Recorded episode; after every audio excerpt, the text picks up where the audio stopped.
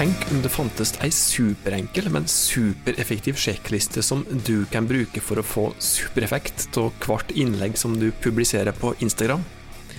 Veit du, dette her er faktisk eh, lykkedagen din, for det er akkurat det du skal få nå. Velkommen til en ny episode av Hauspodden. Dette er podkasten til fagfolket i Haus. En gjeng med superivrige entusiaster som rett og slett brenner etter å få lov til å hjelpe deg med å nå små og store mål som de jobber med at bedrifter de skal nå. Jeg heter Tormod Spørstad. Takk for at du har trykt play på denne episoden her. I tillegg til sjekklista for Instagram, så skal vi òg sjølsagt gi deg ukas framsnakk òg, der vi løfter fram ei bedrift, slik som vi gjør i hver eneste episode her. Raus er jo da, som vi har pratet om tidligere, navnet på dette konseptet vårt, der vi deler raust av de erfaringene som vi har gjort oss etter at vi har hjulpet små og store bedrifter i faktisk godt og vel 20 år nå. Og det skal ikke skorte på raushet i dag heller, fordi at du skal rett og slett få ei sjekkliste som oss vet fungerer. Og det som den fungerer til, det er rett og slett uh, ei sjekkliste som du kan bruke for å da, som nevnt, få supereffekt av de innleggene som du publiserer på Instagram. Så det kan rett og slett hjelpe deg med å nå ut til flere på Instagram. Det kan hjelpe deg med å få mer engasjement på Instagram, og det kan rett og slett hjelpe deg med å få flere kunder opp i trakta de, få dem til å kanskje bli enda mer lojale kunder enn det de er fra før av. Det kan rett og slett hjelpe firmaet ditt. Stikkordet som vi skal prate om, er sjekklista. Det handler egentlig om stikkord. Det skal selvsagt utbrodere litt, men det er noen slike sentrale ord. Da. Det handler om hvorfor. Det handler om hvem. Det handler om språk eller dialekt. Jeg skal utdype litt om det senere. Det handler om å engasjere. Det handler om mentions, det handler om eh, tagging, det handler om geolokasjoner og geostickers, det handler om hashtagger, og det handler om handlingsoppfordringer. Vi må selvsagt utdype disse her stikkordene, og det første som jeg sa, er stikkordet hvorfor, eller hvorfor. Sjekklista, det første som er viktigst å stille når du skal publisere et innlegg på Insta, er hvorfor skal du publisere dette innlegget her? Og svaret det kan med fordel være at jo, jeg skal publisere dette innlegget her fordi at det kan nå det overordna bedriftsmålet vårt om å f.eks. få 10% netto driftsresultat i 2021, eller jeg skal publisere dette innlegget her fordi at det kan hjelpe oss om å nå målet om å få 10% flere leads opp i trakten vår før den 1. juli. Så hvorfor? Hvorfor? Det er det absolutt aller viktigste spørsmålet som du, som du kan stille deg, og derfor så blir det det første punktet i sjekklista når du skal publisere innlegg på Instagram. Det neste på sjekklista er hvem, eller hvem. Altså hvem logger du innhold for, hvem skal du publisere dette her innlegget for. Hvem er det du tenker på her, hvem er det som skal uh, som er den viktigste målgruppa som du prøver å nå ut til med dette her innlegget her. Så hvem? Det handler altså om uh, målgruppe. Her kan du gjerne gå ned på personers nivå, hvis uh, du er så heldig at du har jobba i en bedrift der du har jobba med personas tidligere. Personas det er semifiktive personer, der du tar utgangspunkt i, i, ulike både fakta og ting som er kvalifisert antakelse, til å gi en god beskrivelse igjen og et bilde på de ulike målgruppene dine. Og Ved å jobbe ut mot personas, som da egentlig kan hjelpe dem å få et bilde over hvem målgruppa de egentlig er, så er det lettere å nå ut til målgruppa, lettere å logge et godt innlegg, både i tekstform og video, kanskje bildeform, eh, når du publiserer innhold på, på Insta. Fordi at Så lenge du prøver å tenke på målgruppa di, så blir det òg lettere å logge innhold som målgruppa di faktisk setter, setter, pris på. Så hvem du skal logge innhold for, det er det andre stikkordet på, på sjekklista, eller andre punktet på sjekklista. Jeg kontrollspørsmål som du kan stille deg, hvis du f.eks. har en person som heter Kari eh, Kontorist, så kan du da stille spørsmålet før du trykker 'publiser'. Vil Kari Kontorist eh, sette pris på å få dette innlegget her i Instagram-feeden sin? Vil hun ha nytte, vil hun bli inspirert til å se dette innlegget her? Hvis svaret er ja, så er det jo good to go, da er det bare å publisere. Hvis svaret er nei, eller du er litt usikker, så bør du kanskje gå litt i det sjøl og vurdere å umformulere innlegg, og kanskje bytte ut eh, det visuelle innlegget ditt, for å prøve å treffe, treffe Kari Kontorist eller andre målgrupper som du har, enda bedre, da. Det neste på sjekklista er at du må tenke på dialekt og språk. Bruk rett dialekt er noe som oss gjerne bruker i mange kurs som oss har i haus, og med det så menes ikke at uh, rett dialekt kan f.eks. være Skjåk-dialekt eller Østerdalsdialekt eller ei Oslo øst-dialekt for den saks skyld. Det handler om at du skal bruke rett språk til rett målgruppe, både i tekstform og når det gjelder visuelt uh, innhold. Dette handler gjerne om at du ikke skal være for formell. Det er ofte noe som skjer når vi prøver å uttrykke oss både visuelt og skriftlig, kanskje spesielt skriftlig, eh, på skjerm. Eh, kanskje tenke oss ett budskap og ei formulering i hodet vårt, men så skjer det et eller annet rart når dette her budskapet her blir oversett via et tastatur på en smarttelefon eller på en, på en PC. Og så uttrykker vi oss gjerne litt for formelt, det blir litt for stivbeint. Det er viktig å prate, prate rett dialekt, eh, i form til å være så, så, lite formell som du kan tillate deg å være, og spesielt når det gjelder sosiale medier som f.eks. Instagram. Da. Det er gjerne uformelle kanaler der du bør være uformell, ikke minst i tekstform. Men rett språk, rett dialekt til rett målgruppe i rett kanal er ekstremt viktig å tenke på. Det neste sjekkpunktet på sjekklista, det er engasjement. At du logger innhold der du har fokus på å prøve å få til engasjement. Engasjement det er ekstremt viktig å få på flere måter, ikke minst når det gjelder algoritmen. Det er jo slik at eh, når du åpner opp Instagram-feeden din, eller Instagram-appen din på smarttelefonen din, så har du to ulike feeder. Du har en såkalt vertikal nyhetsfeed, som da er de vanlige innlegget som kommer når du scroller vertikalt. Og så har du en horisontal feed, som da er stories-feeden din, som er helt øverst på skjermen, der du scroller horisontalt. Og alt som du ser der, det får du i ei styrt rekkefølge som Instagram har bestemt for deg. Du kan i teorien se alle innlegg fra alle som du følger på Instagram, men du får dem altså i en styrt rekkefølge, og det er stort sett basert på hva du historisk sett har engasjert deg til før. Så jo mer du engasjerer deg i innhold fra f.eks. en bedrift som du følger på Insta, jo mer sannsynlig er det faktisk at du får det neste som de publiserer tidlig i nyhetsfeeden din, eller tidlig i stories-feeden din, Ergo, jo mer du engasjerer deg, jo mer sannsynlig er det faktisk at du òg legger merke til det neste som du publiserer. Og For oss da, så jobber i en bedrift og bruker, bruker Instagram som markedsføringskanal, så blir det da superviktig at du òg, da, som sannsynligvis bruker Instagram til å markedsføre bedrifter i, at du jobber med å få engasjement.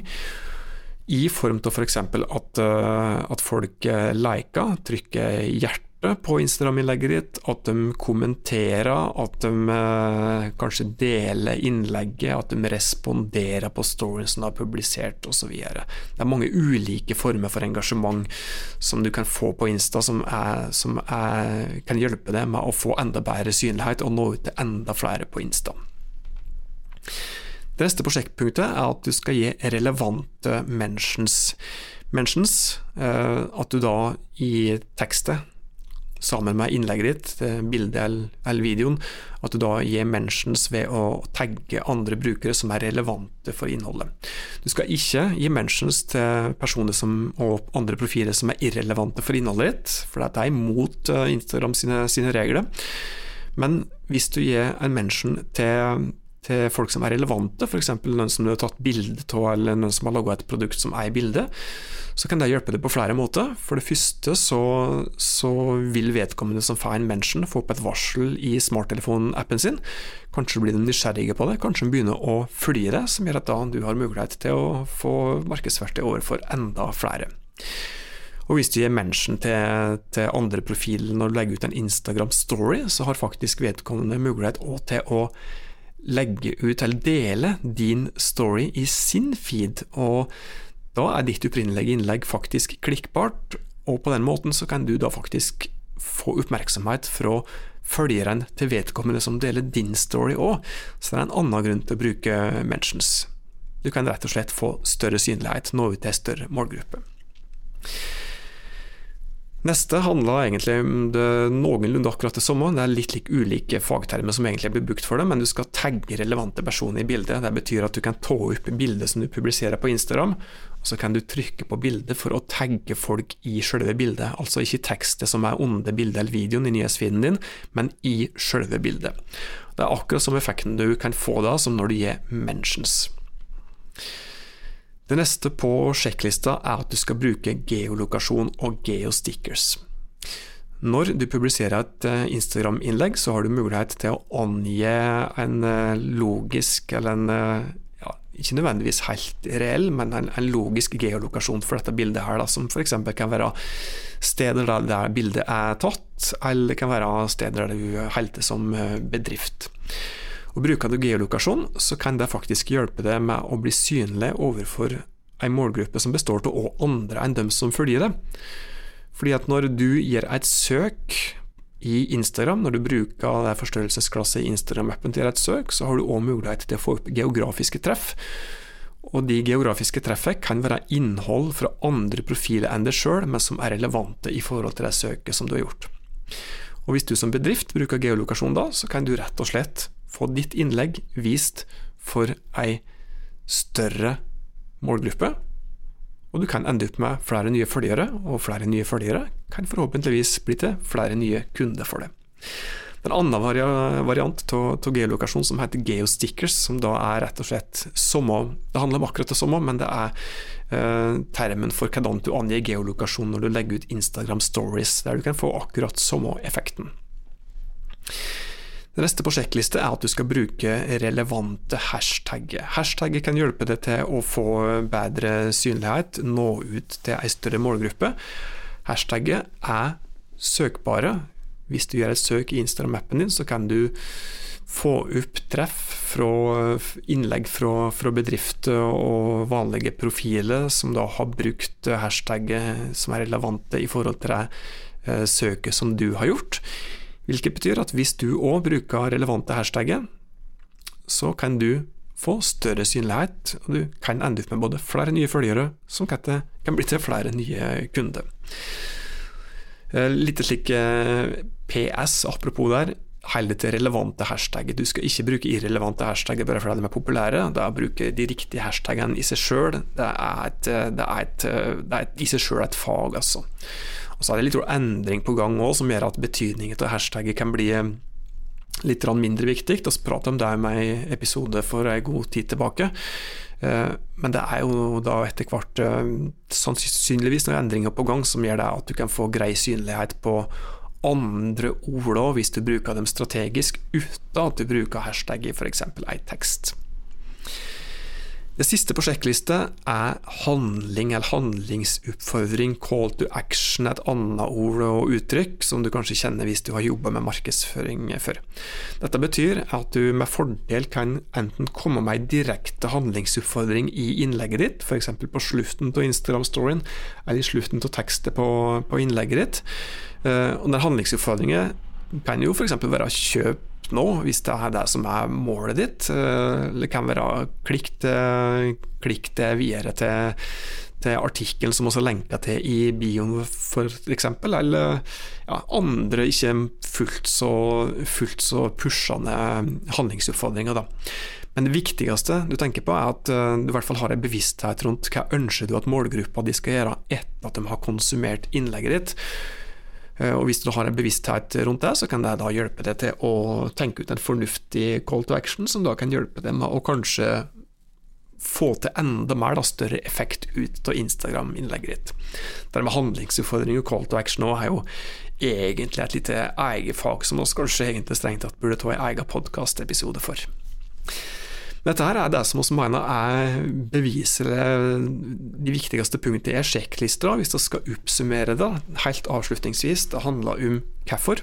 Hvorfor var det første punktet på sjekklista vår? Hvem eller hvem var det andre stikkordet på sjekklista vår? Deretter så kom eh, språk. Neste punktet på sjekklista var jobb for å få engasjement. Deretter så prata vi om mentions, vi prata om tagging, som en, eh, som en eh, fortsettelse av Mentions. Vi prata om geolokasjon og geostickers. Det nest siste på sjekklista vår var hashtagget, og det aller aller siste punktet på sjekklista du kan, som du kan bruke til å gå enda bedre innhold på Instagram, det var handlingsutfordring eller call to action. Så dette her var sjekklista. Vi kunne jo utbrodert dette enda mer, men dette her er det som vi har testa ut, og som vi eh, vet kan fungere som en god guide, som du nesten kan ha hengende på skjermen din, eller printe ut og klistre det bak på smarttelefonen din i ja, beste grad, eller ja, hvis du har en firmatelefon som blir sendt rundt til dem som, eh, som har ansvaret for Instagram-markedsføring i bedrifter der de jobber, og er så heldig, så burde ikke strengt tatt ha denne sjekklista her printa bak på smarttelefon, tenker jeg. Hvis du nå ikke noterte underveis, eh, så du fikk med dette her på ordentlig vis, og tykte det var ordentlig bra, så har du jo da to valg. Enten så kan du høre episoder en gang til, eller flere ganger. Eller du kan også faktisk sende oss en DM på Insta, så skal oss sende disse her stikkordene i retur. Så slipper du å spole det gjennom og notere det manuelt. Da er det tid for ukas eh, framsnakk, og stort sett så er det jo en kollega som, eh, som får prate om denne spalta her, og trekker fram ei bedrift som vedkommende syns fortjener litt ekstra heder og ære. Denne uka her så har faktisk jeg vært så heldig at det er jeg som får løfte fram ei bedrift. Og den bedriften som jeg vil løfte fram i ukas framsnakk, det er Jenteguiden. Gjendeguiden det er en bedrift som rett og slett driver med f.eks. fjellguiding. De driver litt med litt kursing og slik på vann og til fjells òg, både til lands og til vanns, som de har sagt. Og Grunnen til at jeg vil løfte fram dem, det er rett og slett at de er utrolig flinke til å gønne på. For det første så er det ordentlig, altså det produktet som de har, den kvaliteten som de leverer i, i guiding og kursene sine, det er ordentlige fagfolk dette her eh, dreier seg om, altså. Og den eh, innsatsen som de gjør f.eks. Ved, ved å lose folk trygt over, over Gjende f.eks. og andre plasser i fjellheimen, er helt fantastisk. Uh, nå under pandemien så har de selvsagt hatt litt uh, tøffe tak, de. De uh, holdt det gående lenge, men måtte jo trå seg en liten slik uh, litt midlertidig pause. Men de greide seg, greide seg, ordentlig bra lenge, selv om de kjempa på. I hvert fall ordentlig bra i form til det at de holdt businessen så gående som det, som det bare gikk an lenge. Og det er slik at Når du driver med, med fysisk, et fysisk produkt, og bl.a. skal guide folk fysisk, så er det jo litt begrensninger når folk plutselig ikke har lov til å reise fysisk eh, lenger. Da. Men måten som den da løste noe av dette på, var ved å f.eks. ta noen av de kursene som tidligere har kjørt fysisk, som digitale kurs. De hadde jo da annet tidligere kjørt eh, skredkurs, og det å altså kjøre skredkurs f.eks. Eh, eh, digitalt det er jo ikke noe som du kanskje tenker på er fysisk mulig i det hele tatt, men eh, disse her folk i Gjendeguiden, de fikk til det. De gikk annet digitalt, og gjorde det knallbra i digitale eh, kanaler. Annet ved å kjøre digitale kurs. De tilbød altså sine fysiske produkt, til en viss grad i hvert fall, digitalt, og slike ting fortjener en digital klapp på skuldre. I tillegg så hadde de vært bra på med markedsføring og i løpet av pandemien. Selv når de ikke har hatt eh, noe å gjøre i det hele tatt, så hadde de vært flinke til å prøve å holde interesser hos målgruppa si gående ved å være jevnlige, eh, jevne på å, å publisere innlegg på Insta. Så sjekk gjerne ut uh, Gjendeguiden, ja, spesielt på Instagram, men også i andre kanaler. Knakende uh, bra folk som leverer et ordentlig bra produkt der. Det var dagens episode av Hauspodden. Tusen takk for at uh, du hørte på denne episoden her. Og som vanlig så må vi minne deg på at du har mulighet til å abonnere på denne podkasten hvis du ikke gjør det fra før. Hvis du abonnerer, så er det mer sannsynlig at du får med deg neste episode fra oss. Og hvis du eh, deler denne her eh, Hauspodden, tipser andre venner som du har om at eh, dette her kan være noe nyttig, hvis du har noen som du tror kan ha nytte av det som vi deler i, i denne podkastserien her, så blir vi utrolig glade hvis du tipser dem om det, for dette hjelper oss rett og slett med å få bedre synlighet, slik at oss kan hjelpe enda flere bedrifter med å nå de målene som de har satt seg. Inntil oss høres neste gang, ta godt vare på det og dine.